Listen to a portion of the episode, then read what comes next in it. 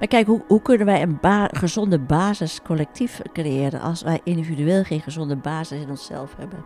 En dus zijn onze angsten heel veel onbewust geworden. En onze bevriezing is ook onbewust geworden. Maar elk kind bevriest ergens van binnen of verstijft.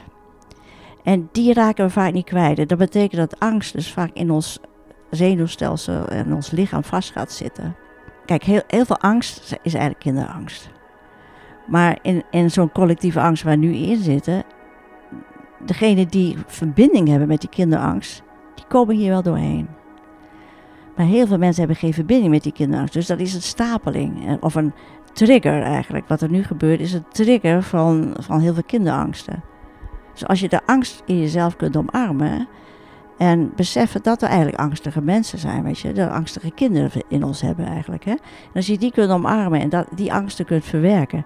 Dan kun je als volwassene de huidige angst aan dan, dan is het niet angstig, maar dan wordt het een uitdaging van oké, hoe ga ik hier doorheen zwemmen, zeg maar. Hoe overleef ik, hoe zorg ik goed voor mezelf in deze gekte? Want het is natuurlijk, we zitten in een collectieve psychose momenteel. Welkom bij de Supernova Podcast. Mijn naam is David. Leuk dat je weer luistert naar een nieuwe aflevering. Deze podcast gaat over bewustwording, over leven in vrijheid, over worden wie je bedoeld bent en vandaag een gesprek met Riet Okken over angst. Riet is psychotherapeut. Ze zal zichzelf zo meteen nog wat meer voorstellen. Uh, is ook al eerder in deze podcast uh, te gast geweest. vandaag zit ik met haar op de bank om uh, te hebben over angst.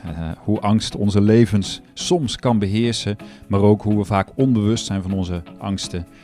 En al denk je misschien, ja, wat heb ik met angst? Nou, dan moet je maar eens buiten je comfortzone gaan.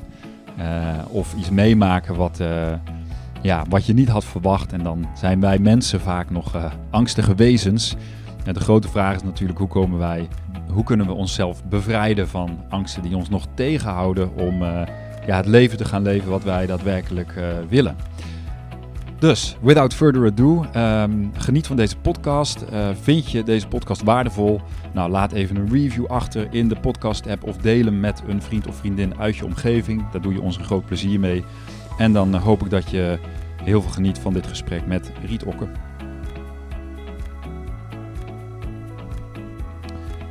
Um, ja, Riet. Dus we gaan deze podcast um, het thema angst uitdiepen en alle verschillende aspecten van angst.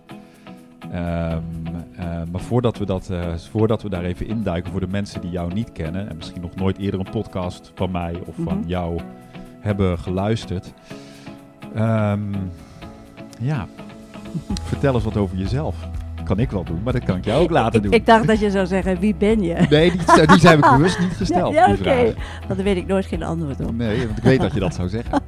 oké. In de ehm, context van waar we het over gaan hebben natuurlijk. Ja, oké. Ik ben ehm, een nieuw boek aan het schrijven over angst. Natuurlijk naar aanleiding van de afgelopen twee jaar. Maar ook naar aanleiding van uh, mijn eigen processen en mijn werk. Ik ben uh, onderhand 50 jaar, 40 jaar psychotherapeut. Ik weet niet precies hoe lang. Vanaf mijn 25 en ik ben nu 74, dus uh, lange tijd. En al die ervaringen rond angst wil ik nu uitdiepen. Ik heb al andere boeken geschreven, met name over emoties, andere emoties, waaronder ook angst. Maar, maar meer een ruimer boek, de bevrijdende kracht van emoties. Aanraden trouwens. Ja, de Bijbel van emoties wordt het dan genoemd. Waarin ik, ja, hoeveel jaar geleden, 2002 was dat, uh, al mijn ervaringen tot dan toe, zeg maar, uh, op papier heb gezet. En die eigenlijk een beetje de basis is van mijn werken met mensen. En uh, ik werk altijd in fases. Dus er zijn momenten dat ik eh, jaren niet werk met mensen. dan heb ik er geen zin in. Heb je geen zin meer Dan heb ik er geen zin in. Nee, dan moet ik even of uitrusten of zo. Dan heb ik zin in wat anders. Of ik ga een boek schrijven of ik ga gewoon pieren waaien. En er zijn weer momenten dat ik, uh, dat ik werk. En um, dus ik heb de laatste zeven jaar hier in, in uh, Drenthe weer gewerkt, in, in Zuelo. Ja, daarvoor was je twintig jaar in Frankrijk. Ja, twintig jaar in Frankrijk, waar we ook zogenaamde lichtpuntweken eh, deden. En, um, nou, en nu sta ik weer op punt om weer naar Frankrijk te verkassen. ja, Dat is wel een spannende onderneming. ja, weet je, wij, Sp- ja, Jeannette heeft dat ook, maar ik ook wel. Ja, ergens ligt ons hart in Frankrijk, weet je. We hebben daar ook zo'n goede tijd gehad.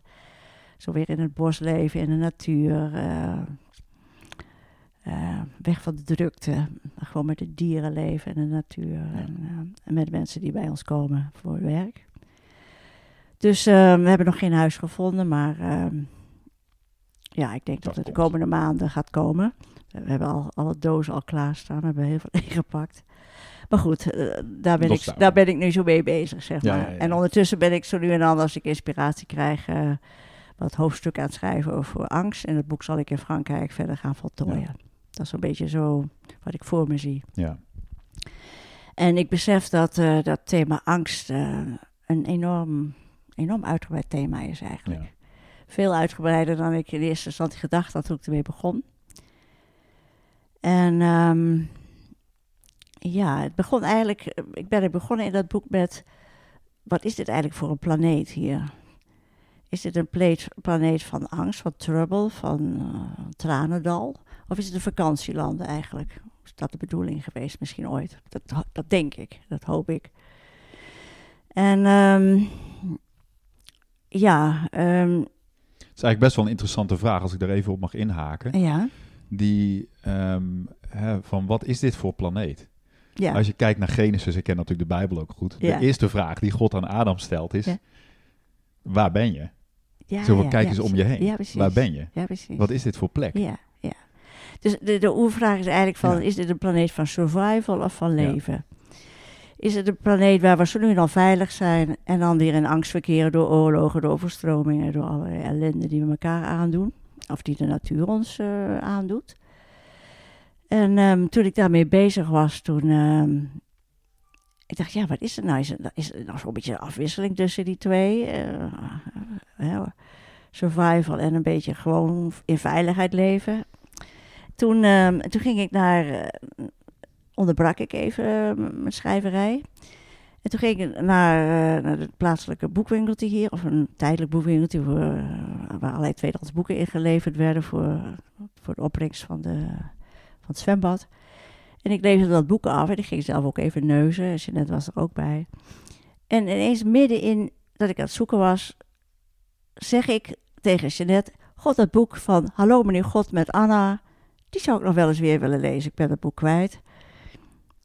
En ik, ja, ik denk, waar kom ik, hoe kom ik daar nou bij? Ik heb dat boek 30 jaar geleden gelezen of zo. Het was net of ik dat niet zelf zei, zeg maar. En ik, nadat ik die zin had uitgesproken, zegt Jeanette, die een beetje aan de andere kant van de ruimte stond... Oh, hier is het boek, zei ze. Het zat allemaal tussen allerlei streekromans of zoiets. en ik denk, nou, dit is toevallig. Dus ik ga gelijk dat boek lezen. En ik denk, wat, waar staat dat antwoord? Ja, want wat is dat voor boek? Ja, ik ken het niet. Ja, dat is een. En Dat wat heeft ook- het met het thema te maken? Ja, nou ja, dat, dat, dat wist ik dus ook niet. Maar dat boek is een, ehm, dat is een meisje. Dat wordt geschreven door een een Engelse meneer. Een Engels, uit een van de achterbuurten van Engeland of zoiets, of een hele eenvoudige wijk. En die, die midden op, in de nacht eh, komt hij een klein meisje tegen van vijf jaar. En die zegt van, eh, ja, ik ga nooit meer naar mijn ouders toe. En ze slagen me, ze mishandelen me. Ik ga met jou mee. Nou, zegt hij, kom maar mee. Dat ging in die tijd nog, hè. Dat speelde zich af eh, eind 19e Ja. eeuw of zo. En eh, dat meisje, dat, eh, dat stelt hele intelligente vragen. Een heel wijs kind. En daar leert hij dus van. En ik zal het even, even voorlezen. Dat is eigenlijk wel heel, heel grappig. Ehm, even kijken hoor, waar staat het nu? Ehm, nou ja. Zoeken. Ja, maakt niet uit. We knippen de leegte Oh ja, eruit. ik heb het wel, ja. Ehm, Jij leest even voor uit een stukje uit dat boek. uit dat boek, ja. Ja, Ehm, ik vind dus het antwoord op die vraag, is het uh, hè, survival Wat voor planeet en veiligheid, ja, zo'n planeet. Zegt ze van, de meisje zegt dan, de prijs die je moet betalen om niet bang te zijn, is jezelf toevertrouwen. Het is meer dan vertrouwen, meer dan veiligheid. Het is geen kwestie van onwetendheid, maar ook niet van kennis. Het is eenvoudig het vermogen om de stelling, ik ben het middelpunt van alle dingen, te verlaten en iets of iemand jouw plaats te laten innemen. En wat Anna aangaat, zij was er gewoon uitgestapt en had meneer God binnengelaten. Anna werd dus als vijfjarig verwaarloosd en mishandeld meisje gevonden in de donkere straten van Londen ergens in de 19e eeuw. De jonge man die haar vond schreef het boek over zijn kleine leermeesteres. Het kind wilde niet terug naar die rotsmerigste troep dat blijkbaar haar ouderlijk huis was. Hij nam haar mee naar huis, zoals dat in die tijd nog kon. Of was het zijn anima, zijn animatrice, zijn innerlijke vrouwelijke Ja, ja. inspiratie, die altijd al bij hem was, maar die hij verwaarloosd had en in het duister van de nacht ontdekte. Net als Dante, voor wie Beatrice de inspiratie voor zijn Divina Commedia was. In ieder geval was God voor, voor Anna het binnenste van alles. Van de zon en de maan en de sterren tot aan het kleinste spinnetje. En bij je toevertrouwen aan alles moet ik denken aan mensen die, dat zeg ik dan weer, hè, schrijf ik, die een leeuw of een slang met openheid en liefde tegemoet gaan. En die dieren reageren dan ook met dezelfde liefde. Dat zijn verhalen die je in het oosten wel eens tegenkomt. Hè? Ja. Eh, het zijn vast mensen die, zoals Anna zegt, leeg van binnen zijn. En ik denk dat het alles te maken heeft met een ver- verschuiving in jezelf van zelfbewustzijn naar puur bewustzijn. Ja. En ehm, ik heb daar zelf eens een ervaring gehad in, eh, toen ik een ayahuasca-werk deed.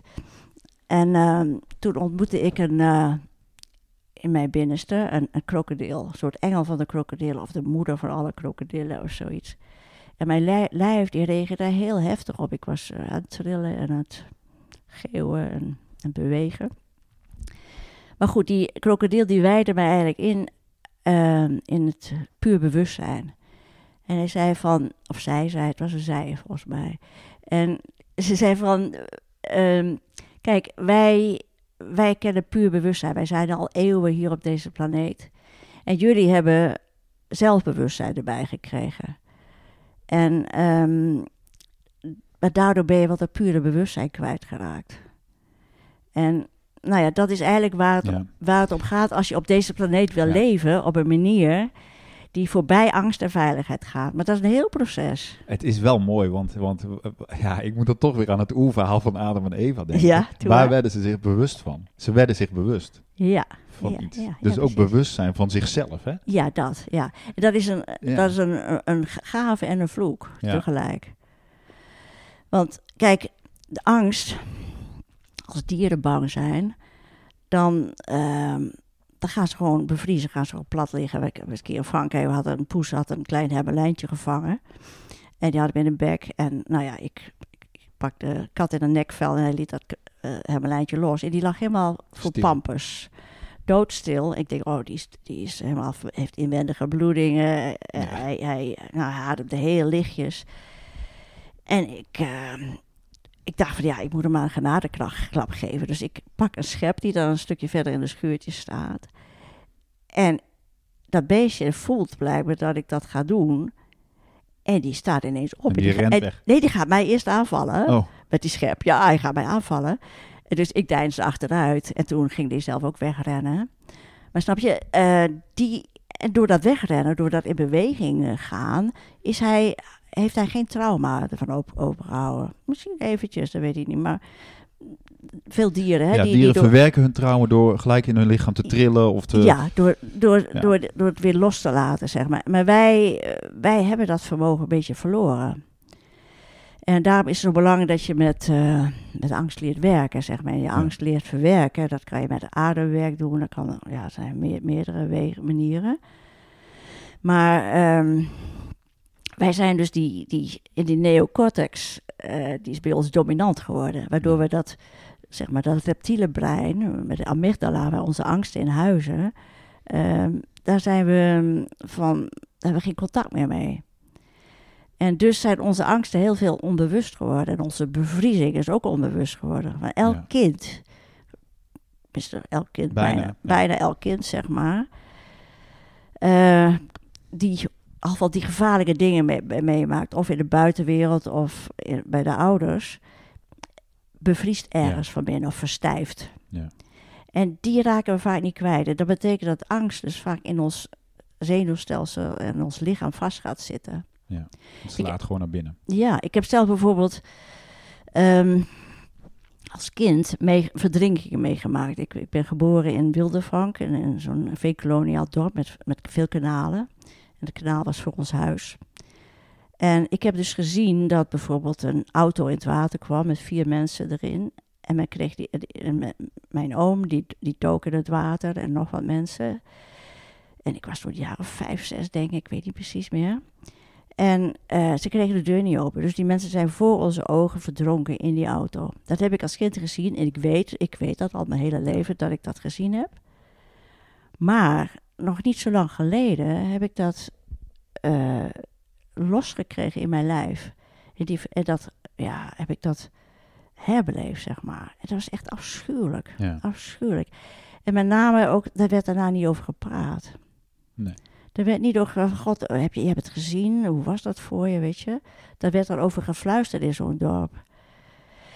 En ehm, dus dat blijft dan, dat soort dingen blijven in je Het, het zenuwstelsel hangen. verbergt zich een beetje in je lijf ergens. Ja, en dat, je raakt dus gedissocieerd van angst. En dat is een van de grootste dingen in onze, onze wereld. Dat heel veel mensen, inclusief ikzelf ook, met mijn, eh, dat is zo'n voorbeeld als verdrinking, ehm, dat je gedissocieerd raakt van dit soort traumatische Ja. ervaringen. Dat kan ook, kijk, dit is de verdrinking van vreemde mensen die ik gezien heb, maar het kan ook zijn mensen die verkracht zijn door, weet ik veel Ja. wat, door een vader of door een opa Ja. of door Iets wat je wordt aangedaan als kind. Of, Ja, zo, sowieso. En, die, en wat, wat je als kind niet kunt verwerken, en dat gaat toch ergens in je lijf zitten en in je zenuwstelsel met name.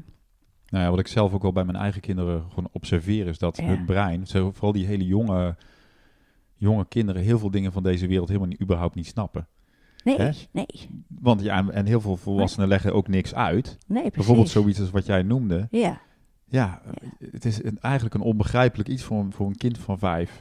ja, maar ook, ik, ik herinner me toen ik geboren zie ik op foto's ook van mezelf als kind. eh, toen ik, eh, eh, als heel klein kind, dat ik ook dacht van, what the fuck, wat is dat hier, zeg maar. Mijn ouders de hele dag aan het draven en aan het werken. En dan s'avonds gingen ze uit, gingen ze naar de kegelclub en, en, en, en verder, ja, zwegen ze aardig tegen elkaar, zeg maar. En, ja, en gezelligheid, het was Ja. heel gezellig bij ons thuis, weet je. Dacht ik, goh, is dit het leven, weet je? Ja. Dat, eh, en, en ook, ja, ik ben een nakomertje, dus ook ja, overspoeld door. eh, en dat is ook een vorm van angst eigenlijk. Dat je overspoeld wordt door allerlei ervaringen die je niet kan plaatsen. ja, dat hè. En, en daarom is het zo belangrijk dat ouders verbinding met hun kinderen hebben, dat ze over dingen praten. Ja. Maar in mijn tijd was dat er weinig Nee. bij. Ik, ik heb er wel eens in een ayahuasca-werk één heel werk aan be- beleefd aan van... Heeft er ooit iemand vroeger aan mij gevraagd van, hoe voel jij je, Riet? Weet je? Ja. Ben je bang? En als ik nu, als ik later, vroeg ik mijn moeder, wat voor kind was ik nou eigenlijk? Zei ze, je was een bang kind, zei ze. Dus dat hebben ze wel gezien. Ja, maar- Maar ja, mijn moeder was zelf ook een bange vrouw. Dus daar ga je niet over Nee. angst praten, nee, je? nee, dan Dus wil je je- dat buiten de deur houden. Ja, dan, wil je dat Ja. niet, eh, dan ga je dat niet in, die, uitdiepen met je kind.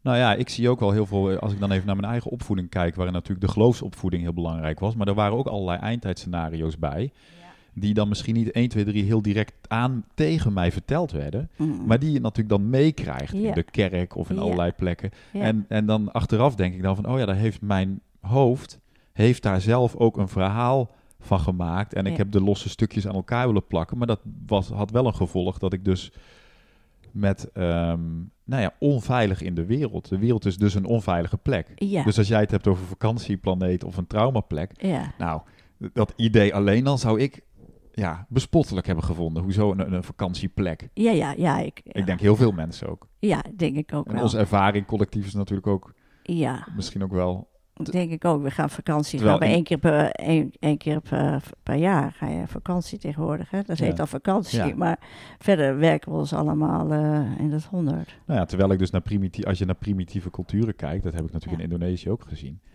Die mensen leven niet met werk, vakantie. Ze, ze hebben, alles is soort van verweven. Ja. En ja, ze zitten, hebben tijd, ze zitten, Ja, ja, ze werken wel. En het, Ja. het komt wel. ja. Dat is natuurlijk leven. Ja, natuurlijk leven, veel meer ritmisch. Ja, daar zijn we echt van afgegleden. Het is natuurlijk ja, niet voor niks dat er nu eh, zulke rare tijden zijn op het moment waarin er ja, gigantisch veel verandert in ons en gaat veranderen in ons leven. Is, is het Ja. ook zo, eh, hoe zie jij dat, hè? Dat, dat angst heel erg nu als het ware naar boven gebracht wordt. Er wordt heel veel aangeraakt collectief, Ja. omdat er eigenlijk onzekerheid is over, ja, wat gaat er gebeuren de komende Ja. jaren? Dat hebben we Ja. nog niet meegemaakt, waar we nu in zitten. Nee. Nee, Wat voor invloed heeft dat op, op mensen individueel? Ja, ik denk dat heel veel. eh, kijk, heel, heel veel angst is eigenlijk kinderangst. Maar in, in zo'n collectieve angst waar we nu in zitten. Degenen die verbinding hebben met die kinderangst, die komen hier wel doorheen. Maar heel veel mensen hebben geen verbinding met die kinderangst. Dus dat is een stapeling. eh, Of een trigger eigenlijk. Wat er nu gebeurt is een trigger van, van heel veel kinderangsten. En, eh, ja, en dan wordt het heel moeilijk. Dus als je, ja, ik ga mijn boek ook noemen Het leven omarmen eh, door de angst te omarmen. Dus als je de angst in jezelf kunt omarmen en beseffen dat we eigenlijk angstige mensen zijn, weet je, de angstige kinderen in ons hebben eigenlijk. Hè? En als je die kunt omarmen en dat, die angsten kunt verwerken, dan kun je als volwassene de huidige angst aan. Dan, dan is het niet angstig, maar dan wordt het een uitdaging van, oké, hoe ga ik hier doorheen zwemmen, zeg maar? Hoe overleef ik, hoe zorg ik goed voor mezelf in deze Ja. gekte? Want het is natuurlijk, we Ja. zitten in een collectieve psychose momenteel. Hm. Het is echt waanzinnig wat ze allemaal bedenken. Ja. Ik bedoel, Ik, ben echt elke dag verbijsterd al bijna drie jaar lang nu. En, ehm, en ik zie ook dat heel veel mensen ja, zich er niet mee bezighouden. Zo hier bijvoorbeeld, die leven hun leven. Maar ja, hebben zich wel Nou ja, de vraag is natuurlijk, mensen hè, die, die, die ja, zeggen, ja, maar ik ben niet bang. Hè? Dus Ja. als je het hebt over eh, onbewuste angsten, Ja. ja, we kunnen onszelf heel goed voor, vertellen en een ander van, nee, maar ik ben niet bang. Maar ja, wat zit er allemaal nog in het lijf en wat, hoe kijk ik, hoe de, de, ja, de keuzes maken eigenlijk zichtbaar Ja, of er angst zit of niet. ja. Weet je, de, de meeste de mensen die zeggen, ik ben, niet, ik ben helemaal niet bang. Ik, ik, ken, ik ken iemand, die, eh, een oudere dame, die, die stijf van de angst. Dat zie je in het lichaam. En dan, en dan, tegen, en dan eh, zeg ik, god, ben je bang? Nee, ik ben nooit bang. Weet je, dus de mensen die het meest bang zijn, Ja. die zeggen dat ze niet bang zijn. Weet je? Ehm, ja, ik vind het, eh, ja, het is natuurlijk een enge tijd. Ja, nee, maar dat is het ook. Het is ook een spannende tijd. En Ja. het is ook oké om dat, ja, dat te om erkennen. dat te erkennen en met elkaar erover te praten. En ondertussen Ja. aan onze eigen oude angsten te werken. Dat vind ik dan wel heel mooi. En dat, dat, Ja. dat is ook iets wat jouw boodschap is. Van dat onderscheid maakt tussen... Is dit een oud iets of is dit echt van nu? ja, Ja, er zijn nu ook dingen die, die gebeuren waar we best angsten van kunnen voelen. ja, Maar als het gaat over mijn persoonlijke leven, ja. ja. dan kom ik heel vaak oude dingen tegen. Ja, nou ja, dat is, ik noem dat altijd een lichtknopje. Dat je niet alleen wat angst betreft, maar ook wat allerlei andere emoties betreft. Dat je altijd een onderscheid moet maken van, eh, van jezelf voelen van, is dit nou kinderangst of is het een huidige angst? Dus mensen die in het hier en nu depressief zijn, dat zijn allemaal oude, Ja. oude kinderverdriet wat te lang heeft vastgezeten. Mensen die chagrijnig zijn of vaak boos. Of, weet je, dat is allemaal oude boosheid die te lang heeft vastgezeten. En die gewoon in het, in het hier en nu rondgespoten wordt, zeg maar. Ja. Dus dat is, dat is een heel belangrijk lichtknopje die, die in mijn werk ook heel centraal staat eigenlijk. Dus eigenlijk, ja, eigenlijk kom ik altijd bij kinderangst uit. Weet je. Toen was je zo kwetsbaar. En naar de hand leer je je- te wapenen, zeg maar. En leer je de stappen te zetten en flink te doen. En ja, je over angsten heen zetten ook. Hè? Maar ik merk ook dat over angsten heen zetten, dat kan soms heel belangrijk zijn. Ik heb ook, hè, vroeger was ik vaak ook niet bewust van die angsten. Maar, ehm, maar, maar het, het was goed om toen op toch over bepaalde angsten heen te zetten. Om, Ja. om dingen te doen waar je bang Ja. voor bent. Dat kan je helpen om Ja. toch in dit leven Ja, eh, ja, te leven. ja natuurlijk. Maar, maar het is een heel pad om die, kinderangsten, want die zijn gigantisch groot. Het is, eh, ja, Nou ja, het is wel mooi wat jij zegt dat je. ehm, en ik zie dat soms ook wel in mijn eigen leven. Van oh ja, daar zit dan een. Er gebeurt iets in het hier en nu. ja. En dat is eigenlijk een trigger van iets ouds. Maar ik kan het niet altijd zien. Hè, dus het ontwarren van hé, hey, waar gaat dit nu over? Ja, Dat is eigenlijk dan ook een onderdeel van het werk. ja, ja, precies. Ja. Ehm, Ja. ja, dus, dus die, die, die. En ook denk ik, ja, hoe ver laten we ons de angsten nog in ons leven bepalen, inderdaad. Terwijl we het ook willen verwerken. Hè? We willen niet gestuurd worden onbewust door allerlei angsten. Ik wil niet op mijn plek blijven of in een soort freeze belanden. Nee, Hè? Ehm, Nee. En tegelijkertijd willen we het in beweging zetten. ja, maar die bevriezing is Ja. dus ook altijd oud. Ja. Want als kind kon je niet anders. Je kon niet weglopen en je kon niet vechten tegen grotere mensen, oudere mensen, je ouders niet.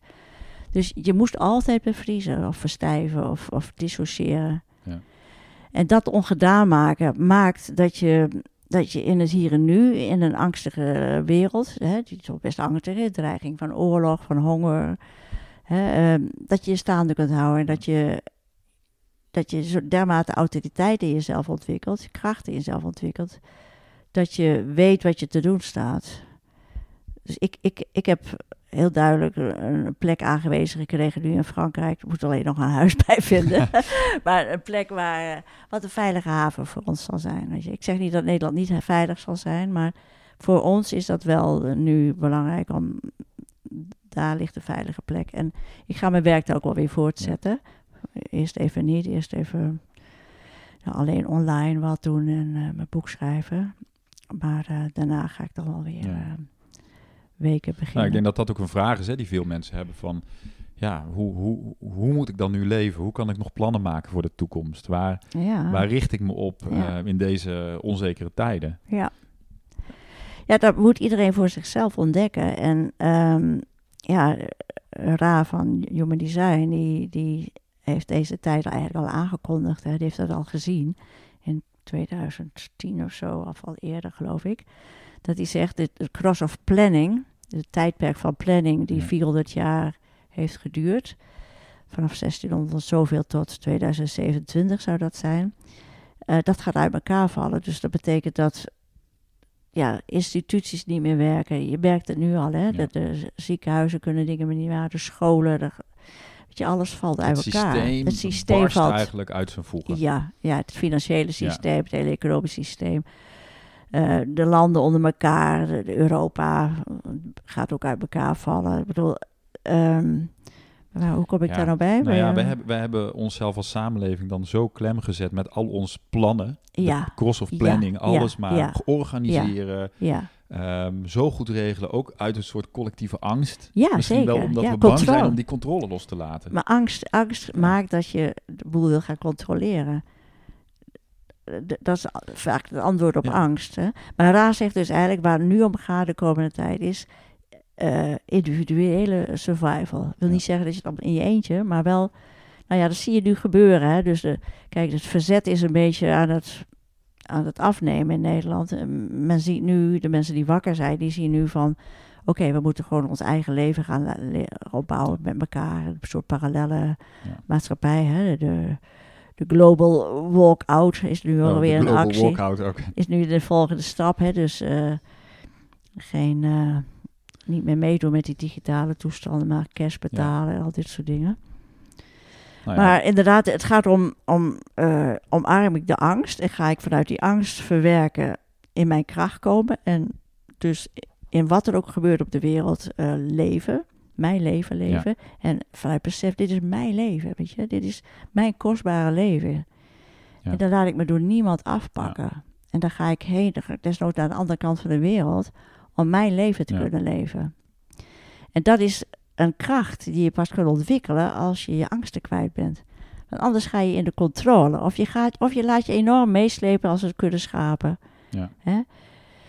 Die eh, ja, samen de afgrond ingaan. ja, nou, dat is precies een beetje hoe ik het ook zie. Van je gaat of inderdaad, eh, ja. Ja. je volgt de meuk. Ik zag laatst zo'n plaatje in mijn hoofd van ja, de rattenvanger van Hamelen. Oh ja, ja, dat is een mooi beeld. Ja, Ja, het is een mooi beeld. Ik denk, Ja. ja, je gaat of met z'n allen eh, ja, achter de meuk Ja. betoverd eigenlijk door, de, door iets wat wij natuurlijk allemaal om ons heen zien. ja. Maar dan zie je als je geen verbinding hebt met, die, met dat reptiele brein, met je intuïtie, met je instincten, zeg maar, dan word je gepakt. Ja. En dan v- verliest het gezond verstand het ook. Dat zie ik nu momenteel ook zo erg. Het gezond verstand is er gewoon niet meer. Ja. Ik bedoel, mensen vallen om, vallen zomaar dood momenteel door die prikken.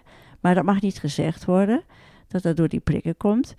En ehm, als we die, dat instinct, die instinct kwijtraken, dan worden we dus beheerst door, door de machten Ja. om ons heen. En dan zie je dat, dat gezond verstand. Nu wordt, oh ja, dat, dat was ik aan het vertellen. Dat nergens in de media nu de link wordt gelegd met enorme oversterfte. Mensen die zomaar op het voetbalveld dood neervallen. Jonge mensen Ja. die, die in de slapen. Zomaar, dat kwam, kwam nooit voor. En nu gaan we hele rare dingen verzinnen.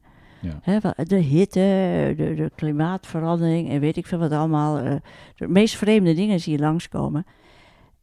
Omdat het gezond verstand kwijt is of zo. Dat is zo raar. Nou ja, Ik kijk, als je dus het hebt over een angstpsychose, dan Ja. denk ik, ja, als je Ja, ben je angstig bent, dan ben je makkelijk beïnvloedbaar. ja, ja, On, en zeker als je onbewust angst, angstig bent. Ik bedoel, dat. reclame en marketing speelt natuurlijk ook altijd in op angsten. Dat wordt zelfs aangeleerd, hè? ja, ja, ja. Van je moet op de angsten inspelen. Dus ja, dat wordt natuurlijk door Big Pharma even goed gedaan, want die hebben een product te verkopen. Ja, het, he- het hele. de- de- kijk, de, de, onze regering die wordt eigenlijk geleid door allerlei communicatiebureaus, hè, waar allerlei afgedwaalde psychologen. Werken. Ja, ik noem ze maar afgedwaald Primaatpsycholoog, collega's. Afgedwaalde collega's die niet meer weten waar psychologie over gaat. Ja, precies. En die eh, doen mee aan gedragsbeïnvloeding. En eh, zeer kwalijke zaak. Ik kan Ja. me zeer boos over maken. Ja, snap eigenlijk. ik. Nee, daar, daar hebben we ook veelvuldig onze verontwaardiging uiten we daarover. Ja, ja, ja. Ehm, Ja. Maar goed, dus even terug naar, naar het, het beïnvloedbaar zijn door oh, inderdaad onbewust te zijn van angsten. ja. Want wat is dus zo belangrijk?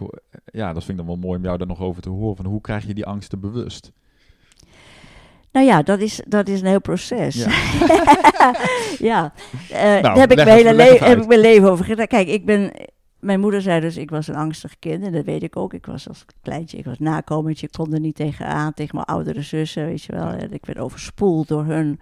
Zij waren allemaal in de puberteit toen ik zeg maar drie jaar was of zo. Dus ik was continu overspoeld door hun verhalen en hun praatjes en hun humor, wat die ik niet snapte. Ehm, daar heb ik ja, stukken van, van, van herbeleefd. En ehm, ja, stap voor stap, mijn hele leven lang eigenlijk, kwam, kwam, werd er iets getriggerd door het, die dingen in het hier en nu, waardoor Ja. je ermee in contact kan komen. Ehm, en ja, ademwerk is, is heel erg belangrijk voor mij geweest. En ayahuasca, is heel erg belangrijk. Ehm, osteopathie, Ja. een goede osteopaat is ook heel erg belangrijk, omdat hij ook, eh, eh, tenminste diegene waar ik nu, waar ik de laatste jaren wel eh, contact mee heb, die ook eh, het zenuwstelsel kan triggeren, zeg Ja. maar, kan, kan ja, prikkelen. Die heeft bij mij ook wel eh, oude kinderangsten nog weer, nou, wat Ja. ik zeg van die, van die verdrinking bijvoorbeeld, wat ik wel wist. Ja. Maar ook, ook, een- ook een jongetje eh, van drie jaar die ik kende, die verdronken was. En die hebben ze drie dagen naar gedrecht. En dat was tegenover de school. De eerste klas. En wij keken erop uit. En ik, en ik, herken, ik herinner me hoe de juffrouw op een gegeven moment gordijn dicht deed. Weet je. Had ze Ja. hem gevonden. En daar werd er niet over gepraat. Hè. In de klas ook niet, op school niet. Van, oh, Robbie ligt daar in het water. En, eh, weet je. En eh, die omvang van angst te herbeleven, dat gaat in stappen. Ik denk dat er ook wel bij ouders, en dat is ook wel interessant nu je het hierover hebt, dat ouders ook heel vaak bepaalde dingen niet met hun kinderen bespreken. Misschien Ja. omdat ouders het zelf eigenlijk niet goed mee kunnen omgaan. Of Nee, denken van ja, we willen eigenlijk dat kind maar sparen. Tuurlijk. Terwijl een kind voelt zoveel meer dan wij denken. Wij allemaal in die klas, in die eerste klas, dat was ik zes jaar zeg maar. Wij zaten allemaal doodstil verstijfd in onze banken. En, en die onderwijzeres die ging niet vertellen van jongens wat erg, met Robbie, eh, ja weet je. Als er over gepraat kon worden, als we erover hadden kunnen huilen of weet ik veel wat Ja. hè. En thuis ook werd alleen maar gefluisterd, oh Robbie, Robbie is verdronken, weet je. En maar goed, dat, dat is dus iets wat ik in, in hele verschillende etappes in mijn leven verwerkt heb. Ja. Dat gaat niet in één keer. Die angsten zijn eigenlijk zo groot wel. Daar hebben Nou ja, we geen idee zelf- van. Ik kom ze zelf ook tegen in de Ja. ayahuasca. De angsten die, Ja. ja, inderdaad gebeurtenissen die ik wel cognitief weet dat het gebeurd is. dat. Maar om het dan te voelen, denk ik, wow, dit is soms zo overweldigend. ja. ja. En, en, en toch maar erin gaan, ja. maar dan voel je dezelfde Ja. overweldiging die je eigenlijk als kind echt gevoeld Precies. hebt. Als kind is het overweldigend als mensen zomaar verdrinken of eh, branden bij ons in het dorp. Ja, ik, zit dat dorp bij ons weet je. Er gebeurde wel veel in jouw dorp. Ja, nee, maar dat, ja, dat- ja, ik heb ook jaren een hekel aan dat dorp gehad, weet je. Door, gewoon Ja. door die, weet je, dat kanaal was vlak langs de weg. Het was een hele smalle weg. En er was twee baans, weet je wel. Eh, ja, niet, geen streep ertussen. Dus je kwam heel gauw in het water terecht. Ja.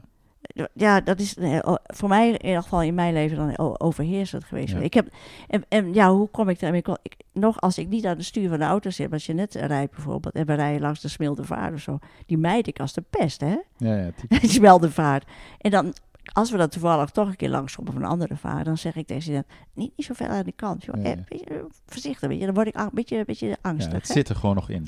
Nou ja, nu, Of ik ben dat nu wel een beetje kwijt, maar ik, Ja. ik, ik heb dat altijd al waargenomen, dat ik dat had, langs water rijden. Ja, maar zo kan het dus doorwerken. Het is gewoon een voorbeeld van hoe dat werkt natuurlijk. Ja, ja, precies. Ja. Precies. En dat is dan niet zo'n ramp. Hoger dat ik dan irritant ben in die auto. Degene die achter het stuur zit, zit alles kan te corrigeren. Ze van, ja, niet, niet zo ver aan de kant, weet je. Ja. Maar goed, angst is natuurlijk ook bijvoorbeeld, als je het gewoon even naar het maatschappelijke, eh, of ja, gewoon maatschappelijk, gewoon ons, het leven Ja, van ja. jo- jo- jonge mensen in deze wereld die zeggen van ja, ik wil iets, ik, ik voel dat ik niet op mijn plek zit. Ehm, Mhm. ik, ik, ik wil iets anders. Of ik, ik, er gebeurt zoveel, maar ik weet niet wat ik moet doen. Ik loop tegen mijn angsten aan. Ehm, en daardoor inderdaad ook verstijven. Dus, dus we herhalen blijkbaar ook steeds maar ja. eh, dezelfde soort patronen. ja. Als je niet bewust wordt, ja. dan, dan word je geleefd eigenlijk. Hè? Dat, Dan, eh, ik weet niet, Osho zegt al, zei het ergens zo mooi van... eh, als je eh, niet bewust bent van je schatten, word je ervan beroofd. En een Hmm. kind is onbewust van zijn schatten, van zijn mogelijkheden. En dan wordt hij ervan van beroofd. En als volwassene gaat het om dat je bewust wordt, en dan word je niet meer beroofd. Nou het zet mij ook wel stil over wat heeft eigenlijk een kind nodig. Dat gaat dan over ouderschap, maar Ja. eigenlijk ook natuurlijk over ons eigen innerlijke kind. Ja, Wat heeft een kind eigenlijk nodig om, ja, om op een gezonde, natuurlijke manier op te groeien? ja, dus ja, er is natuurlijk in onze samenleving zo weinig oog voor echte emoties van kinderen. En ja. en ja, Geen tijd voor ook, geen hè? tijd. Geen. Een kind is eigenlijk een soort van, ja, dat moet er ook bij. Ja, het is natuurlijk. Nou ja, dat, is, dat is daarom ook dat er misschien toch wel een evolutionair iets moet gebeuren nu. We zijn te druk en, en te ver afgedwaald en te vervreemd van natuurlijk leven en van onszelf en dus ook van onze kinderen. Dus eh, wie weet waar dit allemaal toe leidt. Het zal een hele moeilijke tijd, overgangstijd zijn, omdat we allemaal vreselijk gehospitaliseerd en verwend zijn. nou ja, ik zat, eh, gisteren luisterde ik naar eh, Gabor Maté, die eh, dus Ja. vertelde, hij zegt dus we leven dus in een toxische cultuur, Ja, hij dat. En hij zegt, hij vergeleek het ook met een laboratorium waar ze micro-organismen dan kweken. Ja, En als je dan op een gegeven moment die micro-organismen bijvoorbeeld heel veel doodgaan of ziek worden, dan spreken ze van een toxische cultuur, hè, Ja. kweekcultuur. ja, ja. En, en hij zegt ook van ja, deze samenleving die is niet meer gezond. Nee. Onze Nee, samenleving is nee, gewoon, nee. we leven echt in een zieke cultuur. Ja. Dus we kunnen deze hele transitie waar we Ja. nu in zitten ook zien als een, als een evolutie. Ja. Waar we doorheen moeten en ehm, die niet makkelijk is. Maar elke overgang is moeilijk, weet je. Maar het is nu wel heel heftig, alles bij elkaar komt, hè. Bedoel, het, gezond op, hè? verstand is gewoon weg, weet je. Ja, precies, ja. Nou ja, angst als afdekking van andere emoties. Dat is ook een hele belangrijke, Ja. denk ik. Dat eh, angst eigenlijk, eh, net als schuldgevoel eigenlijk, de andere emoties als woede en verdriet eronder houden. Dus angst heeft ook een functie om, eh, om niet te voelen. Om niet te voelen wat er nog meer onder zit, bedoel je? Ja, terwijl, terwijl eigenlijk bijvoorbeeld angst, ik zeg altijd angst en woede, dat zijn broertje en zusje. Dus als jij je eh, beschikking hebt over je gezonde boosheid, dat je kunt, een gren- boosheid is in feite niks anders dan een grens aangeven. Hé, stop, hier, hier eindig jij, hier begin ik. Dan ben je minder bang. En We hebben dus gezonde woede, Woede, nodig ja, in gezo- deze tijd. ja, dat is- Eigenlijk is dat ook iets Ja, wat we ja, kunnen, mogen, moeten ontwikkelen. ja, zeker. Nou ja, dat is wel een onderdeel van lichtpuntwerk. Dat we, dat we ook de woede eh, Ja. leren toelaten, zeg maar. De woede wat, wat je aangedaan is als kind. De woede dat, ehm, nou ja, eh, dat, je, dat je vader je niet, zich niet met je bemoeide, die alleen maar aan het werk was. Of, of je moeder eh, depressief was, weet ik veel wat. Ook Ja. als begrijp je, we, we, zijn natuurlijk ontzettend loyaal als kind in de opzichte van onze ouders. En begrijp het allemaal zo goed. Maar daaronder speelt vaak heel veel woede. En ik merk in, in, in het werk met mensen dat mensen, als mensen leren hun woede toe te laten en hun oprechte verontwaardiging op wat er gebeurd is, weet je. Bijvoorbeeld mijn woede over dat, dat er nooit met mij gepraat is over van, goh, hoe, hoe was dat voor je dat Robbie verdronk, weet Ja. je. En dus als je die woede toelaat, dat helpt ontzettend. Woede helpt je om achter jezelf te gaan staan. Ja. En achter jezelf staan betekent dat je Ja. dus minder bang wordt. Ja.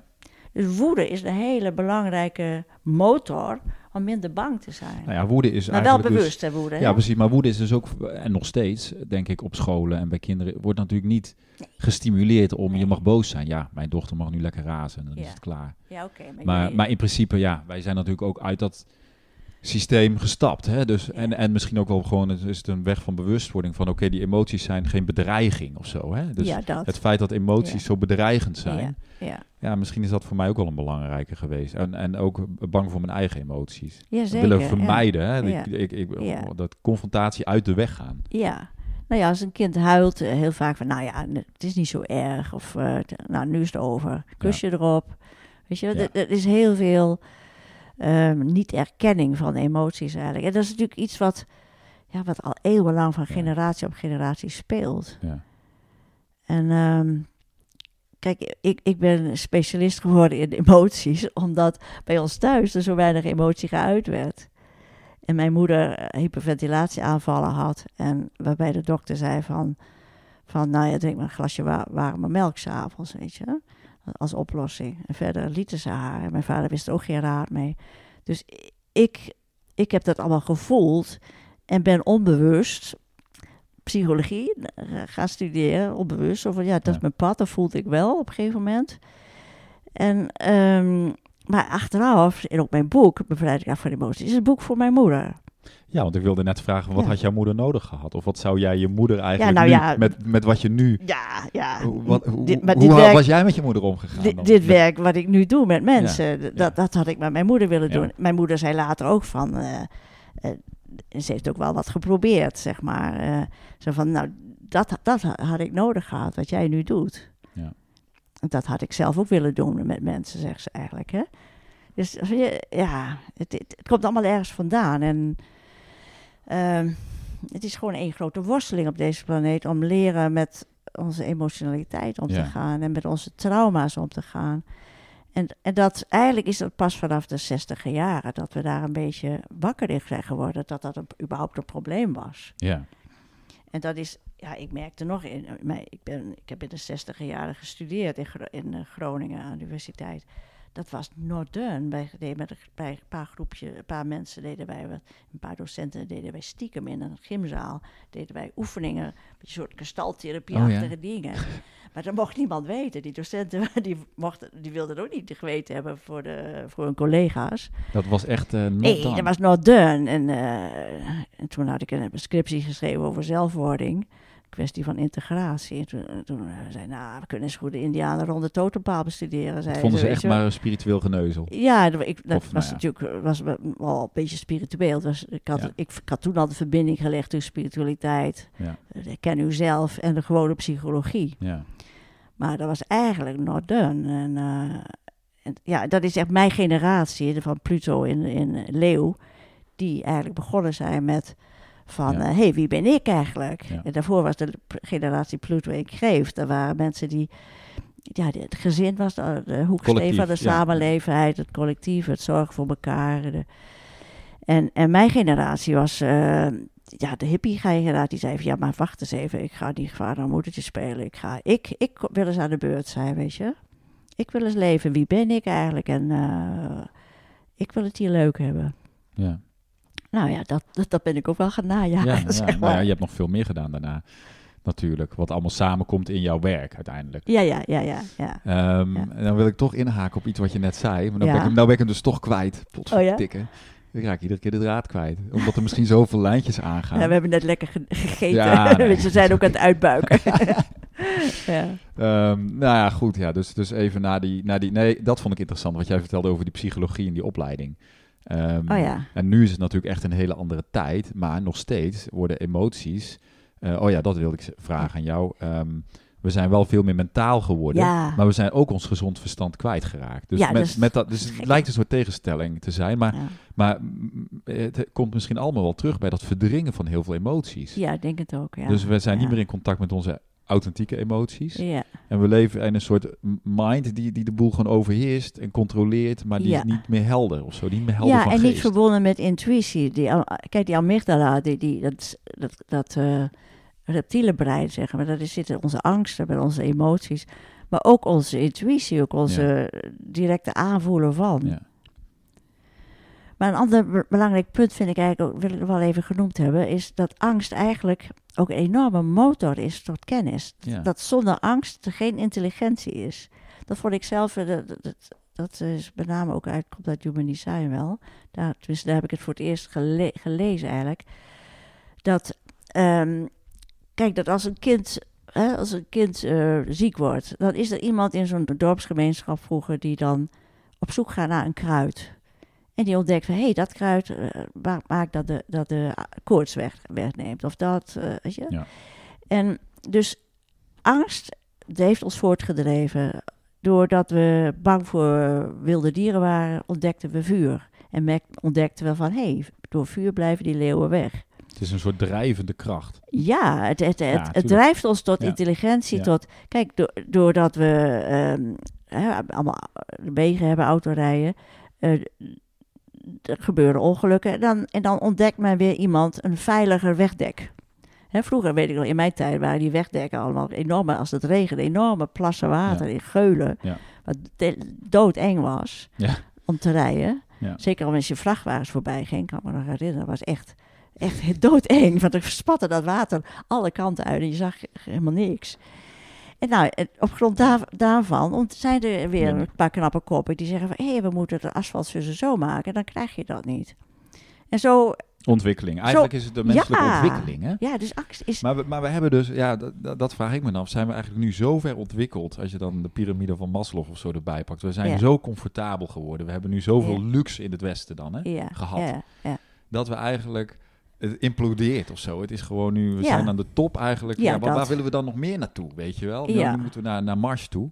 ja, Hè, dus we willen maar verder en verder ontwikkelen. en die ontwikkeling, die, die is nu, eigenlijk verwijderen we onszelf. Ja, dat, het is, ja dat, dat, kan- dat ook, denk ik. Het heeft ons, de angst heeft ons gedreven tot ontzettende intelligentie, tot, tot kennis. Eh, Daar hebben we ontzettend veel van geleerd. Dus dat angst is ook iets heel mooi. Heel. Het is ook voor gevaar, hè? Dus als er een leeuw aankomt, dan is het goed dat je kan rennen. Ja. En ehm, dat je bang bent, hè? Dat je, dat je adrenaline gaat stromen en dat je gaat- dan gaat rennen. Ehm, maar inderdaad, ik denk ook dat we, dat we bijna aan de top van onze intelligentie zijn gekomen. En dat het tegen ons is gaan Ja. wer- gaat Ja. werken nu. Dus die idioterie met die- ja, die enorme digitale revolutie.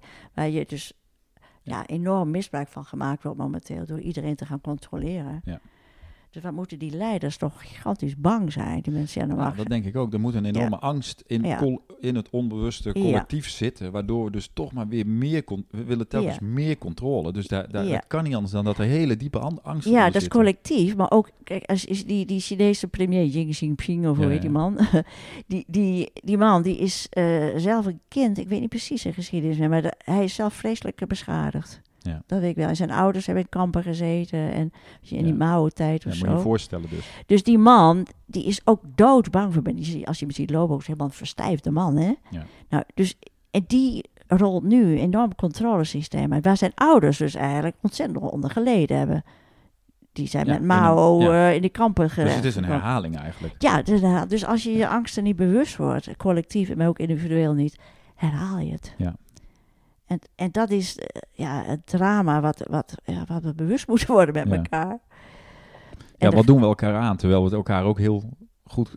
eh, ja, ja, het kan allemaal ook heel anders. Ja, maar dat komt omdat, wij, wij zitten met een enorme achterstand van, van onverwerkte emoties. Daar zit zoveel woede. Je ziet nu, kijk, eh, nou ja, wil geen namen noemen eigenlijk. Maar Nee, ik mag geen namen noemen. nee, maar, maar de mensen die nu ah, eh, zeg maar aan de, aan de knopjes zitten in Nederland bijvoorbeeld, ja. of, of eh, Canada. nou ja, van die jonge mensen vaak Ja. nog zo, weet je, van die minkukeltjes. Oké, je en- mag namen noemen. Nee. en, die, en die dan minister worden. En die hun macht gaan voeren, weet je. Ja.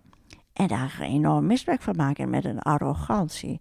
Weet je, dat zijn mensen die hun, hun basale kinderlijke eh, eh, trauma's niet Nee. verwerkt hebben. En dus herhalen ze. En als ze dan aan de macht komen, ja, dan, dan krijg, je, eh, krijg je wel Nou, maar het- het- ellende. Wij, wij kunnen er nu heel makkelijk over praten, maar het kan ook enorm uit de hand lopen. Hè? Dus dit, dit Ja, trauma, dit ja. collectieve en individuele Ja, trauma van ons, eh, nou ja, ja, ja maar dat is wat er gebeurt nu. Nou ja, we hebben de Tweede Wereldoorlog gehad, het was dramatisch en het kan nog eens vele malen, het kan nog eens vele malen erger worden. Ja, ja. Ik bedoel, ja, we, weten we niet, sophisticated, hè, met een prikkie, hè? ja, en nu, en nu hebben we technologie en we kunnen alles eh, ja, sturen en controleren. Ja, ja. Dus ik denk dat die, die, kijk, die angst eh, hè, die ons tot intelligentie, tot kennis heeft gedreven, dat we daar nu op een toppunt zitten wat, wat tegen ons eh, zich keert nu. Ja. En nou ja, dat zag je met het Romeinse Rijk ook en bij. Atlantis blijkbaar ook. Op een gegeven moment is, is er een toppunt en dan gaat de beschaving ten onder en alles is cyclisch. Ja. Dus wij gaan ten onder, deze beschaving. En je kan, ja, je kunt het van verschillende, verschillende kanten bekijken. Je, hè, je kunt ook zeggen van, eh, ja, dit is het karma van het Westen, hè, die zoveel. Boter op het hoofd Ja. heeft wat betreft de ontwikkelingslanden. En, ja. En wat wij de wereld hebben, bij Nederland, Spanje, wij zijn natuurlijk Ja, rijk geworden over de ruggen van heel veel slaven. Zeker, zeker. Maar goed, je kunt dingen van heel veel verschillende ja, kanten bekijken. Ik blijf graag op het individuele niveau. ja, dat is mooi. Eh, maar goed, je, het is leuk om het door te hè, trekken. Wat? Ik ben collectief, hè? Ja, ja, ja, ja, ik ben individueel. Ja, ja. Ik, ik, ik heb het ook altijd over mezelf. Ja, dat is goed hoor, leuk. ik wil dan altijd weer het grote plaatje. Ja, ja. ja, ja, Ehm, nee, maar, maar, nee, maar het is wel dat- goed, ja. eigenlijk is het heel mooi samen, want Ja. dat, dat is ook jouw Beetje kracht, hè? Ja. Ehm, glaasje water, Riet, Ja, alsjeblieft. Dankjewel. Nou, je kracht is om het heel erg thuis te brengen van oké, maar wat, zit er, wat huist er nog in mij? En daar kom ik natuurlijk telkens ook weer bij terug, Ja. wat mij weer in mijn eigen proces terugduwt Ja. van hé, wat heb ik zelf nog uit te Ja. werken? Ja. Ehm, Maar kijk, hoe, hoe kunnen wij een ba- gezonde basis collectief Ja. creëren als wij individueel geen Nee. gezonde basis in onszelf hebben? Nee. En we zijn allemaal vreselijk geschonden. Ja. Min of meer, zeg maar. Onze ouders ja, wisten er niks van emoties af. Mijn ouders Nee. die, die konden niet met elkaar praten. En eh, mijn moeder die probeerde het wel, mijn vader kon het niet. En ja, en nog en dan, wa- steeds. dan was het dagen zwijgen, van koppigheid, omdat, omdat woede niet kon. Weet je, of Ja. je hebt ook wel gezinnen waar natuurlijk wel geschreeuwd en gedaan wordt. ja, of, het juist, lost niet op. ja, of heel veel geschreeuwd en gedaan, maar nooit, inderdaad nooit naar een oplossing waardoor je kind ook bang wordt. Ja, precies.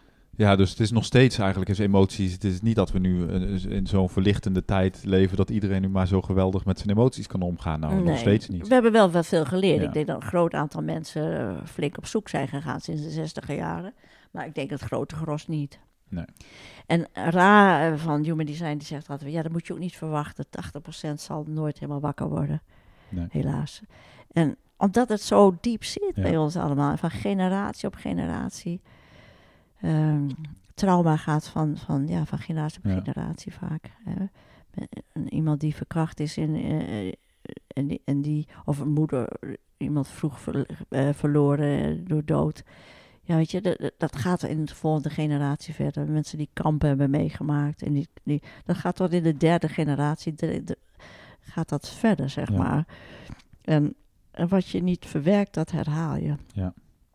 En dat is het. Ja, dat is wel dramatisch. Maar het is ook ons leerproces. Eh, Ik bedoel, eh, Nou, ik vind het ook heel boeiend, hè, Ja, ik zeggen, ik, vind het een prachtig pad om dat meer in mezelf te ontwarren. En Ja. om dat, niet alleen het onderzoek te doen, maar het ook daadwerkelijk, ja, die herbelevingen, het, do- het doorwerken. Ja. Het is ook heel bevrijdend. Ja, zeker, zeker. Ja. Zeker, nou ja, ik boek natuurlijk niet voor niks De bevrijden de kracht genoemd van emoties. Dus ik zie, ik zie nog steeds, eh, kijk, ik zie dat er zijn al vele wegen naar Rome, maar ik, ik vind mijn weg van de be, bevrijdende kracht van die emoties durven toelaten. Het is ook je diepste angst, weet je. Het durven erkennen van, goh, ik ben bang. Ja. Dat, dat is ook not done, hè. Nee. Eh, heel veel mensen durven niet te houden, erkennen van ik ben bang. Ja. Ah, je bent Ja, groot, ik- je bent verstandig, je bent flink, Ja. weet je wel. eh, dat is de, de... Nou ja, ik, ik denk wel eens van als het daar toch weer het linkje naar eh, de, de situatie in ons land en de wereld. Die wereldleiders moeten ook bang zijn. Ja, kan niet anders, maar Oh. wel verdrongen. Verdrongen, Kijk, ja. als ze het toe, als ze het Ja. toe zouden laten, dan zou... Kijk, als Rutte zou zeggen van... joh, ik, ben, ik vind het ook doodeng. Zullen we eens kijken, mensen, samen hoe we het ja, kunnen oplossen. ik denk dat ook wel eens van, zou dat niet heerlijk zijn? Als Maar- die zo gewoon zou zeggen van... ja, we zijn stuk gelopen, we, zijn met, eh, we zitten veel te groot met die EU... met, met een ondemocratisch bestuur en dan die WEF dat erbij en de VN. Ja. Maar goed, eh, weet je... is ook het ego misschien gewoon van de mensen. Ja, dat- ik denk ik, dat je dat van die Nee. mensen niet moet verwachten. Het moet gewoon in elkaar donderen, blijkbaar. Ja. Dat, wij moeten hardleers, eh wie niet... Ja, als je niet vrijwillig leert, leer je door schaar en schande. Dat is zo simpel is het eigenlijk. Ja. En aangezien collectief eh, we nog niet zoveel geleerd hebben... eh, ja, gaan we collectief eh, een moeilijke tijd tegemoet. Ja. Maar die- goed, dat wil niet zeggen, dat is ook wel mo- mooi, dat wil niet zeggen dat we individueel niet alsnog een enorme groei Ja, en, en mooie tijden kunnen meemaken. Zeker, maar- Wij, genieten ook volop Ja, van het leven. ja zeker. Zeker, ja. Toch? Ja. Ja, zeker. Nee, nee, dat- maar daar gaat het om. Dat je, ja, ik, heb- ik, heb, ik heb zelf heel sterk van, god, dit is mijn leven. Dit, ik bedoel, eh, ik ben hier wel vaker geweest op deze aarde, denk ik. Maar dit is natuurlijk wel een tijd waar we veel meer mogelijkheden hebben gehad dan ooit tevoren. Dus we hebben, ik ben zo blij dat ik, dat ik deze tijd... eh, hè, deze tijd van Ja. welvaart en van mogelijkheden heb kunnen leven. Ik ben nu 74, ik heb het grootste deel achter de rug. Dus ik, ik kan nog een beetje op mijn lauweren gaan rusten. maar ik bedoel, jonge mensen is het verdorie hartstikke moeilijk nu. Ja, nee, maar goed, als je kijkt inderdaad naar wat er onder jonge mensen speelt. Ja, Ja, eh, wat ik ervan hoor, eh, is dat best wel, nou ja, zorgwekkend. ja er schijnen heel veel jonge mensen zelfmoord te plegen. Depressief. En depressief, ja, ik snap dat heel goed. Het is, het is ook een, ja, het is een overgangstijd. En dat, eh, ja. Dus, ja, kijk, heel veel jonge mensen moeten ook, kijk, je, je kan zeggen die angst verwerken, maar op die leeftijd lukt dat vaak niet. Ook Ja. ang- maar dan moet je moed ontwikkelen. Ja, En zeggen, oké, ik ga dapper stappen zetten. Ja. En eh, kijken, maar vooral het besef hebben, dit is mijn leven. En ik wil hier, ik wil hier zijn, omdat ik Ja. hier ben. En ik wil dat ik eh, volgens mijn normen en waarden, volgens mijn behoeften leef hier. En ehm, dus zodat je er een leuk vakantieland van maakt van deze aarde. ja, ja. Ja, dat ligt, ja, dat, ja dat, dat kunnen we zelf wel creëren. Weet je. Daar hoef je niet zoveel geld voor te hebben. Nee, precies, ik- het hoeft ik- niet. toen wij in Frankrijk woonden, waren er ook mensen die ook eh, drop-outs, weet je wel. Er was, was ook een jongen die... die ehm, Eigenlijk was jij een drop-out. ja, ik was toen wel een drop-out, ja. Dat was wel leuk. Maar ook, er was ook een, een jongen die, die, had, eh, die had wiskunde gestudeerd om zijn vader te pleasen. Hij moest er van zijn vader. Nou, en toen hij klaar was, toen ging hij ging die, eh, op zijn fietsje naar Frankrijk. En, ehm, en ging toen eh, een huisje huren daar. En, eh, en ging eh, accordeon spelen op straat. Met, leuke liedjes spelen. En dan met een klompje waar geld in gegooid kon worden. En hij, hij vond truien breien heel leuk. En die verkocht hij dan. En dan in de winter in Frankrijk ging hij naar Spanje op de fiets met, zijn accordeon achterop. En als hij dan wat meer geld nodig ging, hij even naar Nederland aan de lopende band werken. Dan had hij weer wat geld. Nou ja, ik, En die jongen die had een geweldig leven en die, die had geen geld, niks. nou, ik denk ook wel eens, we zijn ook het avontuur een beetje kwijt. hè, in ons Westen. Ja, Ja, alles is gewoon, ja, we hebben het zo te goed misschien, waardoor geen, er is geen avontuur meer. ja, we zijn gehospitaliseerd. Ja, of we kopen avontuur op een soort van avontuurlijke vakantie of extreme sports. Ja, ja, hè? Maar, maar het avontuur echt aangaan door iets te doen met je leven. Ja, precies. Ja. Vond ik altijd wel mooi bij Osho, die zegt op een gegeven moment, als je moet kiezen tussen veiligheid en, en eh, avontuur, of gevaar, kies het gevaar. Gevaar, ja. Kies het gevaar. Want dan voel je dat je leeft en dat je, dan maak je wat mee Ja. en dan dat maakt het leven. Maar weet je, dat hangen, wat heel veel mensen natuurlijk ook wel doen. Ja, Nou ja, dat is ook wel mijn ervaring. Het avontuur is hetgene wat het leven zo boeiend en mooi maakt. ja, ja. En, weet je, en dan, dan hoef je niet altijd al je angsten verwerkt te hebben. Je kunt ondertussen, ik, heb, ik heb ook voordat ik mijn angsten ver- allemaal verwerkt had, heb ik gewoon ook heel dapper stappen gezet. Ja. Ook al vond ik het doodeng. Ja. Hè, eh, ik stapte ook in het vliegtuig naar India of naar Polen, waar, ik- waar, overal waar ik me voelde dat ik moest zijn op een gegeven moment. Nou, dan doe je het ook even in de broek. eh, toen, ik deed dat in mijn eentje. Ja. En dan liep ik ook s'nachts in, in, in Warschau, in die communistische tijd, eh, liep ik daar in de stad. En ik voelde me lekker. Ik dacht, wauw, wauw. Ik was gewoon trots op mezelf dat ik dat liep, daar liep met mijn rugzakje op. Ja. Op weg naar Auschwitz, waar ik dan moest Ja. he- iets herbeleven. Snap je? Maar ja, dan, dus ook, ook zeg maar met de moed in je schoenen, hoe noem je dat? Met, eh nee, Ja, ja, moed ja. in de schoenen Nee, zakken nee, niet, maar met- met- en met de moeder wanhoop Ja. op een gegeven moment, ook al ben je bang, toch die Toch stap doen, zetten en zeggen van, godverdomme, het is mijn leven en ik, ik, ik ga dit doen. Precies. Ja. Ja, dus de angst omarmen. Ja.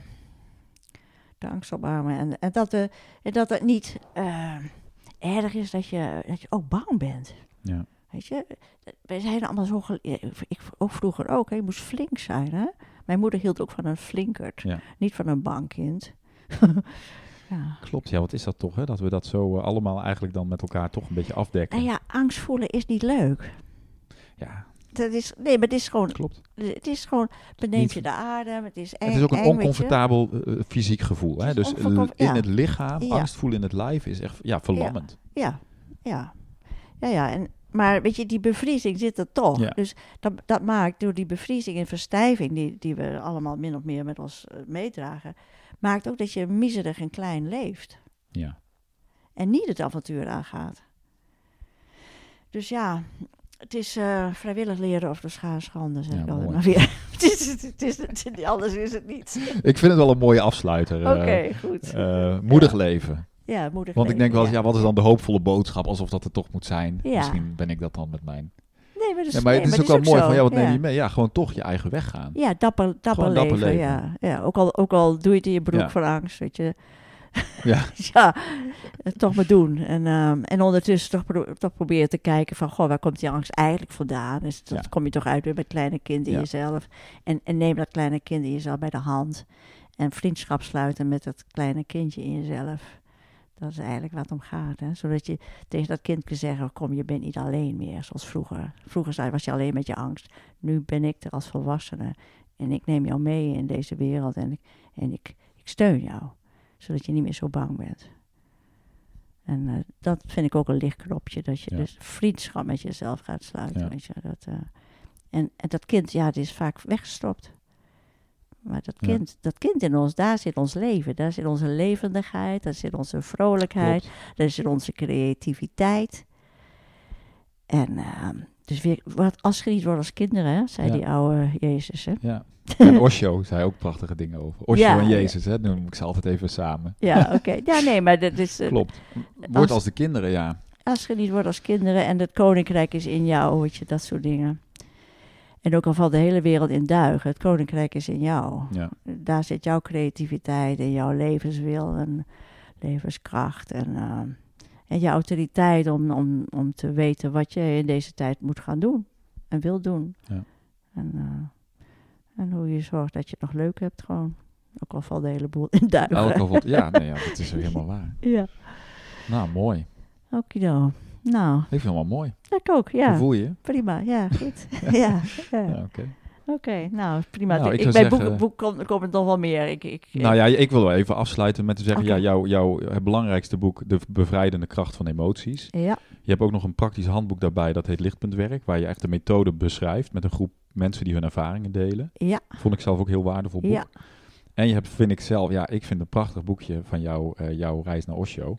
ja, ja. Die Nou, ook je hebt nog een paar andere boeken geschreven die op jouw Jezus website staan. ontsluiert. Jezus ontsluit. Nou, dat was natuurlijk ook een eh, shock, shocker. eh, Dat is ook een shock, shock ding wel, ja. ja, dat- Ook voor mezelf, hè? Dat ja, is ook voor jou, terwijl jij, niet, jij bent niet gelovig opgevoed. Nee, maar ik heb wel een... eh, je bent eh, natuurlijk het klooster ingegaan hè, op een gegeven moment, toch? Nee, niet echt. Nou, maar in vakantietijden ben ik veel in kloosters geweest. Ja, En oké, maar ja, ja, nee, ik ben niet echt Je bent een soort, eh, je, toch wel een beetje het katholiek, ging je meer de katholieke kant op? Ik, ik ben eerst op, vanaf mijn twaalfde jaar zo'n beetje naar de... Ik ben, ik, bij ons thuis waren we dus buitenkerkelijk en, eh, en ik miste gewoon leiding. Ik was op zoek Ja. gewoon en... nou ja, dan zoek je eerst naar God en dan uiteindelijk kom je erachter dat je eigenlijk op zoek bent naar jezelf. Naar jezelf. Maar goed, ik, ik ben dus eh, in die protestantse traditie een stuk gegaan en daarna in de katholieke traditie. En toen ik jaar of 7, 28 was, ben ik daar weer uitgestapt. En ehm, toen ben ik de hele tijd in de Santo Daime kerk eh, beweging gegaan, waar natuurlijk ook eh, ja, dat Ja. shamanisme met Ja. kat, oude katholicisme van Ja. de Brazilianen aanwezig was. Nou ja, ben ik weer een beetje dat Jezus verhaal wel, ja, ja, ik ben altijd wel rand, randkerkelijk Ja. gebleven, zeg maar. Maar, nou, eh, want jij begrijpt heel goed, en dat, dat, dat was voor mij heel belangrijk, jij begrijpt heel goed de, het geloof, niet Ja. alleen de imprinting van het geloof, maar de Ja. functie en hoe het aan de ene kant mensen dus helpt, Ja, hè, maar ook hoe het een enorme... Ja, nou ja, vooral ook dat, je, dat, dat we geleerd hebben eh, onze kracht en wijsheid te projecteren op een Ja. God, een Jezus, een Boeddha, een Mohammed. En vergeten dat die kracht, die, die wijsheid in ons is. En die creativiteit. Wij Ja. zijn de schepper Ja. van ons leven. En, en, en van wat, ja, wat je verder wilt scheppen in het leven.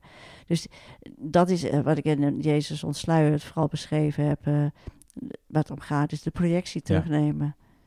Ik ben het allemaal zelf, dat is van mijn En dan is het wel schokkend om te zien. eh, ja, dan moet je heel veel loslaten. Maar ik zie ook tegelijk dat voor heel veel mensen het een troost is. Dus het is Ja. ook heel waardevol. Ja. Ehm, maar ja, dat, daar zijn ook gradaties in van hoe ver wil je gaan klopt. met projecties terugnemen. En hoe ver wil je gaan met je zelfwording, met je realisatie. En dat, ja, dat moet iedereen zelf kiezen, dat pad die, hoe ver die wil gaan op dit pad. Ja, het is mooi dat je dat zo zegt, want dat is inderdaad zo. Hè? Dat, ik heb zelf ook in mijn eigen, ik moet wel eens mijn, mijn uittocht uit ehm, de dogma's zeg maar, van eh, Ja. religie, Ja, uit Egypte. uit Egypte. dat ik ja, de uittocht uit Egypte, ook het, bij eh, de realisatie van, oh, als ik dit, dit, dit dogma of dit denkbeeld loslaat, Ja. waar ik heel mijn leven aan vast heb Ja. gehouden, of een- wereldbeeld. Maar God functioneert natuurlijk Ja. ook als, als angstafdekker. Hè? Ja. Want Weet je, ik ben niet bang, want Ja. God is bij mij en nou het ja, de, licht. de en, eh, kinderliedjes die ik leerde was, ja, eh, inderdaad, je hoeft niet bang te zijn. Ja, dat. Dus, dus daar, daar, daar functioneert eh, de godsdienst Ja. heel erg in. Hè? En, ehm, maar het heeft ons, houdt- heeft ons weggehouden van onszelf en van de wereld. Het, werd altijd naar de hemel geprojecteerd. Ja. En het heil is daar en niet hier van Ja. binnen in mijn eigen hart, in mijn eigen buik, in mijn, eigen, mijn eigen zijn. En ja, maar het, het heeft voor, voor een grote gros van mensen heeft het. Is het, als ik, ik bedoel, laatst nog zag ik in Urk stonden die mensen allemaal buiten te zingen. eh, weet je, die, die Urken vissers Ja, ja, ja. die allemaal nu een, een vissersvloot eh, binnen moeten houden. Of moeten houden, de- de- kan niet anders, eh, blijkbaar. En zo, zo worden afgeknepen door, door regels en zo. En die mensen stonden daar hele mooie eh, Liederen te liederen te zingen. En ja, dan ben ik ook tot tranen ontroerd. Want Ja. dat, dat is zo'n troost voor mensen. Ja. En dat snap ik heel goed. Nou ja, voor mij is het dan nu ook als ik dan geraakt word door bijvoorbeeld muziek, zoals dat. Ja, Het is denk ik, de, het, het bezinkt ook een beetje de menselijke ervaring. Een soort van Ja. het, het collectieve, het- misschien ook wel het trauma wat we voelen. ja En dat dat ergens een antwoord, ik bedoel, ik heb in heel veel eh, moderne, ah, natuurlijk is dat al jaren geleden, maar wel heel veel diensten meegemaakt, Ja. waarin er heel veel, met, ja, ook al- alle ruimte voor, voor, wel voor emoties was. Ja, En hoe dat voor mij een soort van, ja, lavend voor de ziel was. Ja, weet je? zeker, En omdat ik toen ook nog niet helemaal, ik was nog helemaal niet aan toe om dat met mezelf aan te gaan. nee, maar dat zijn Dat stappen. was echt een pad. Ja, dat zijn stappen. Stappen van steeds verder de projectie durven Ja. terugnemen en, en, en je, eigen, ja, je eigen krachten Ja. vinden, je eigen, ja, ja, je eigen essentie eigenlijk. En, eh, maar onderweg zijn er heel veel troostplekken en daar is godsdienst één van. Ja. Maar goed, eh, ik, ik, ik voel ook wel, ja, misschien ook wel een beetje wat we, ja, mede misschien ook wel door de ervaringen met ayahuasca. Ik weet, maar Ja. de, de, de, de, de, ver- de eenheid of de verbinding ervaren met, met mezelf. Ja, En, en da- tegelijkertijd dus eigenlijk met alles wat is. ja. Nou ja, Dat is ook een diep religieuze ervaring. Hè? Ja, zeker, zeker, zeker. Nou ja, niet voor niks. Als je jezelf kent, ken je alles. Ja. Dan ken je, de kost, ken je het Ja. universum of zo. Niet, niet in de zin dat je alles precies weet, maar, maar zo'n gevoel van verbondenheid. Van, ik ben een eh, ja, kind van deze aarde, maar ook een kind van eh, het universum of zo. En ook al weten we niet wat dat is. Ja. Maar de- wel, er is wel een gevoel van dat we ergens, eh, ergens in vandaan komen, ergens in geworteld zijn, die, dat veel verder gaat dan de worteling op aarde. Maar in dit leven moeten we hier op aarde wortelen. En dat is wat die Anna in dat boek, als we daar even van het Ja. begin terugpakken, waar het uiteindelijk om gaat, is als je voorbij die angst en veiligheid te komt, dat je komt aan, toekomt aan een soort toevertrouwen. Ja. Maar toevertrouwen aan wie jij in essentie bent. En, en wat de essentie van alles is. Nou ja, en als je daar kunt komen, dan, dan, dan overstijg je die dualiteit van Ja. angst en veiligheid. ja.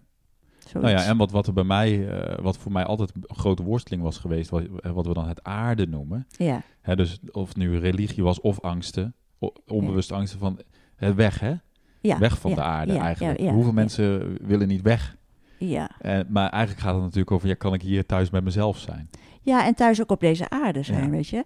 Kunnen we er hier incarneren? Dat wil Ja. zeggen, dat betekent, kunnen we hier een fijne plek maken voor Ja. elkaar. En dat is ons de afgelopen 70 jaar natuurlijk aardig gelukt wel. Met alle vervreemding die er ook, tuurlijk, maar toch, we hebben het nog nooit zo goed gehad, denk ik, op aarde. Als je vergelijkt met Materieel gezien. Of, ja, ja, nee, maar. Ook, maar ook ja, qua Nou mogelijkheden. Weet je, vroeger was het toch vooral, ook in de tijd van mijn ouders nog en daarvoor, en, en, en nog zoveel eeuwen daarvoor, was het toch ja, vaak survivalen. Van eh, brood op de plank, werken, hard werken voor, voor eh, misschien maar niet bij de hè, aboriginals of bij de hè, oorspronkelijke dingen, dat is misschien anders. En, en in ontwikkeld Afrika is het ook anders geweest. Maar toch, het is veel overleving geweest. Ja. En wij hebben toch nu de mogelijkheid om, om ja, toch ons te ontwikkelen. Klopt. Dus in die zin ben ik ontzettend dankbaar voor deze tijd. En, eh, en ik eh, laat me dat niet afpakken. Nee. Ik ga gewoon door met het leuk hebben op deze aarde. Wie, wie wat ook maar doet. Ja, precies. Dat laten we ons niet af. Ja, en dat is, da- dat is klopt. waar het eigenlijk om gaat. Dat je voorbij de angst komt. Dat je je eigen autoriteit. En, dit is mijn leven. Mijn leven. En dat, en dat laat ik me door niemand afpakken. En ik ga hem leven zoals ik dat wil. zoals ik voor mij belangrijk Ja, is, weet mooi. je. En dat heeft niks met materialisme te maken of zo. Maar meer met, ja, met mijn essentie kunnen Ja. leven op deze aarde. Ja. Incarneren. Met de voet op de grond. Ja. En het hoofd in verbinden met Ja, bewust. Bewustzijn. Bewust. Ja. Ja, nou, ik, ik ga er niks aan toevoegen. Nee, we laten het hierbij. Ja, we laten het hier ja. gewoon bij. Ja, ik vond het prachtig, die laatste, Ja. laatste toevoeging ook nog. Ja, Ehm dankjewel. oké. Graag Fijn gedaan, joh. eh, om, eh, ja, Altijd fijn met jou te praten. ja, weet ik. Ja, Wij sparren ja dat is altijd veel. leuk. Ja, oké. Ehm, Nou, Oké. wil je nog eh, iets weten van Riet? Rietokker.nl. Ja, En zeker. Ja. nou, wil je reageren op deze podcast? Ehm, nou, doe dat. Mail ook, ja. supernova.davidpieters.com. En Ja. eh, En ik ben altijd beschikbaar voor een online, coach, online coaching. Ja. Nou, ik vind vooral, eh, dat wil ik wel even aanraden, je astrologische inzicht in eh, processen. Zeker als ik erbij, eh, nou ja, je kan dat zo goed duiden van ga ik ergens doorheen. Ja, En hoe dat klopt. ja, ja. Ja, Ja. dat is het dus met human, human design. design. Hè? Dus die twee astrologie en human design. Dan kan je een heel helder plaatje Ja. eigenlijk maken van wat er speelt bij iemand. En, en wat er nu speelt en wat er Ja. vroeger gespeeld heeft. Dus de grote lijnen, zeg maar. En dan, eh, nou ja, dat, is, dat kan dan een springplank zijn Ja. om ermee aan de slag te gaan eh, op emotioneel gebied. En ehm, nou ja, ga eerst mijn boek schrijven over angst. Ja. Ik, eh, Oké, Ehm, punt. Dankjewel. Oké, graag gedaan joh. Ja, dankjewel voor het luisteren. Nogmaals, eh, vind je deze podcast waardevol? Deel hem even met een vriend of vriendin in je omgeving. Laat een review achter in de podcast-app. Dat waardeer ik enorm. Mocht je op- of aanmerkingen hebben naar aanleiding van deze podcast, eh, laat het me weten. En ik wens jou een hele fijne dag. Doeg!